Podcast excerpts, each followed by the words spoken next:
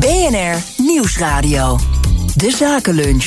Tijd om belangrijk zakelijk nieuws van dit moment door te nemen. Samen met Mirjam Carmichelt van GS1 in Nederland... en Stan Westerterp van Band Capital Partners. Stan, goedemiddag. Goedemiddag, Thomas. We spreken elkaar in het staartje van het uh, cijferseizoen over het eerste kwartaal. Dus tijd om de balans op te maken. En met wie kan ik dat beter doen dan met jou? Hoe oordeel je erover? Nou, ik vind het eigenlijk een bijzonder sterk kwartaalcijferseizoen. En dat was vooraf absoluut niet verwacht. Maar dat zul je dan ook precies zien. Hè. Als de verwachtingen laag zijn, dan neemt de kans op meevallers natuurlijk ook alleen maar toe. Um, en het huidige cijferseizoen met de bedrijven die we tot nu toe hebben gehad, dat is al meer dan 80% inmiddels binnen Europa. Daarvan heeft 60% uh, ja, de winstprognose weten te verslaan. Uh, dus dat is gewoon echt wel opvallend veel. Uh, normaliter zit dat een stuk lager. Uh, en ook als je kijkt naar de, naar de winstgevendheid. er werd rekening gehouden met een gemiddeld een, een kleine winstdaling.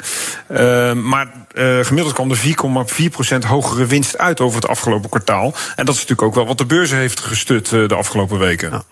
Ja. en, en dat doet dan weer de discussie oplaaien en waaien. Dat heb je natuurlijk de afgelopen weken weer gezien over grijflatie of prijsverhogingen. En in hoeverre dat dan ja. allemaal wel of niet kan bij bedrijven. Zijn dit dan toch veel bedrijven met marktmacht waar we hier over spreken? Ja, je ziet, kijk, er is natuurlijk wel een aantal sectoren die, die gewoon echt hard herstelt. Uh, bijvoorbeeld van uh, vorig jaar de, de hoge energieprijzen. Hè, dat werkt natuurlijk wel aardig mee. Uh, dat we gemiddeld genomen een, een, kwart minder betalen nu voor onze olie. En ook dat de gasprijs weer nou, eigenlijk een beetje rondom de oude niveaus begint te bewegen. Ehm, maar tegelijkertijd ja, zijn er natuurlijk ook wel genoeg onzekerheden nog richting, richting de toekomst. maar precies om op jouw vraag terug te komen. je ziet dat veel bedrijven in staat zijn geweest om een stuk van die inflatie door te berekenen aan klanten. En niet alleen daarmee de omzet te verhogen, maar ook de marges dus wat beter te maken. Dus precies inderdaad die positieve uh, ja, winsten uh, daaruit hebben weten te persen. En dan zie je dus ook wel weer dat uh, ja, het beleggen in aandelen ook weer een, een hedge kan zijn tegen hoge inflatie. Maar is dit nou het orkest dat uh, vrolijk door blijft spelen terwijl er toch uh, onheil nadert? of, uh, of zeiden we dat drie maanden geleden ook en blijkt dat toch telkens niet het geval? Nee, nou wat ik net al zei, er zijn natuurlijk een aantal positieve factoren. Onder andere de energieprijzen in Europa die weer fors uh, gedaald zijn. Maar tegelijkertijd zijn er uh, genoeg zaken die natuurlijk uh, ja, die op ons afkomen die nog negatief zouden kunnen uitpakken. bijvoorbeeld de, de, de herstel van de Chinese economie lijkt toch wat te haperen. Uh, we zien natuurlijk dat er nog een schuldplafond uh, debat of potentiële crisis in Amerika aan zit te komen. Um, en sowieso, ja, die energieprijs is natuurlijk ook maar de vraag wat daar verder mee, uh, mee gaat gebeuren. Dus het lijkt een beetje alsof we een ja, soort van adempauze op dit moment inlassen. In afwachting van, van meer nieuws.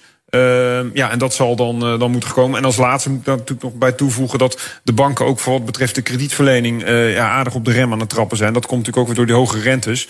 Dus het is niet de verwachting dat we het komende kwartaal nog een keer zo'n zo'n positieve uitschieter zullen hebben. Mirjam, over de cijfertjes gesproken. Uiteraard hebben ook MKB-ondernemers veel cijfers. En als de omzet een bepaalde grens voorbij gaat... dan zijn zij verplicht om die cijfers ook voor te leggen... te laten controleren door accountants. En daar speelt nu een bepaald probleem. Kun je dat toelichten? Ja, vanmorgen stond dat in de, een van de landelijke kranten. Op het moment dat uh, de omzet van bedrijven of uh, de kapitaalwaarde of het aantal medewerkers door een bepaalde grens heen gaat, dan ben je verplicht om officieel een accountant in te huren. En als gevolg van die inflatie van dit jaar maakt dat dat een omzetten van een aantal MKB-bedrijven door die grens heen gaan, waardoor ze inderdaad een accountant moeten gaan inhuren.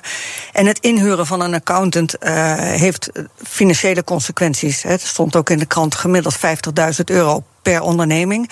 Maar los daarvan betekent het ook dat je heel veel voor je administratie extra moet gaan opleveren. Dus het is en intern kost het je veel. En extern kost het je veel meer. Dus ik kan me voorstellen dat bedrijven die net tegen die grens aan zitten, daar echt een probleem mee hebben. En wij zitten net over die grens heen.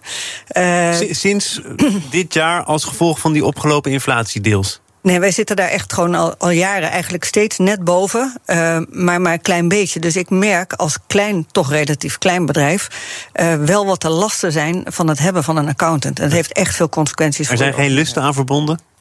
Nou ja, het ligt eraan vanuit welk perspectief je het bekijkt. Vanuit uh, commissarissen, die vinden het natuurlijk prettig, want er zit natuurlijk toch een bepaalde controle op. Dus dat geeft natuurlijk zekerheid. Het dwingt je natuurlijk ook om stappen te zetten. Maar de consequentie is wel dat je intern heel veel moet vastleggen aan procedures, heel veel rapportages moet opleveren. Nou, aan de grens waar wij zitten is dat best een lastige. En bijvoorbeeld een van de vragen die we steeds meer krijgen is rondom ESG-rapportages. Nou, grote bedrijven moeten eraan voldoen, maar ook ik krijg die vraag steeds meer.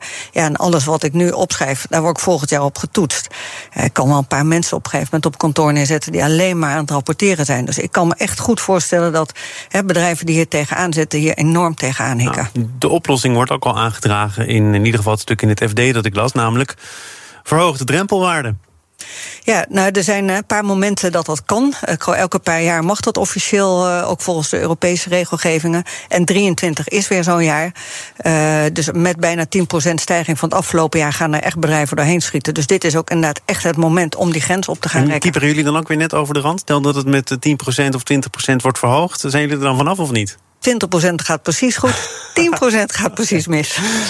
Stan, eh, we gaan het eh, over een totaal ander onderwerp hebben, namelijk uh, goud. Het Amerikaanse mijnbouwbedrijf Newmont Corp, de grootste gouddelver ter wereld, neemt een Australische branchegenoot over. Daar is wel een bedrag mee gemoeid, geloof ik, hè? Ze krijgen het niet voor niks. Ja, Newcrest Mining. En dat is ooit uh, aan het eind van de vorige eeuw zelfs nog onderdeel geweest van Newmont. Nou, ze kopen het nu uh, zeg maar meer dan 30 jaar uh, na dato weer terug. En daar betalen ze bijna 18 miljard euro voor. En dat is heel opvallend, want je ziet in deze sector dat er eh, steeds meer van dit soort overnames eh, plaatsvinden in de mijnbouwsector en specifiek bij de edelmetalen. Um, en dat daar dus een aardige consolidatie uh, gaande is. En dat komt eigenlijk omdat uh, ja, deze goudbedrijven verwachten dat de productie zal stagneren. Terwijl de kosten eigenlijk alleen maar uh, oplopen. En ook de overgebleven goudvoorraden steeds moeilijker zijn om, om te winnen. Um, en dat betekent dus, ja, als je dan niet het zelf kan, kan ontwikkelen, dan ga je maar op, op zoek naar, naar bedrijven die je over kan nemen. En dat gebeurt dus nu ook. en naast goud krijgen ze ook nog een, een extra bezit in koper.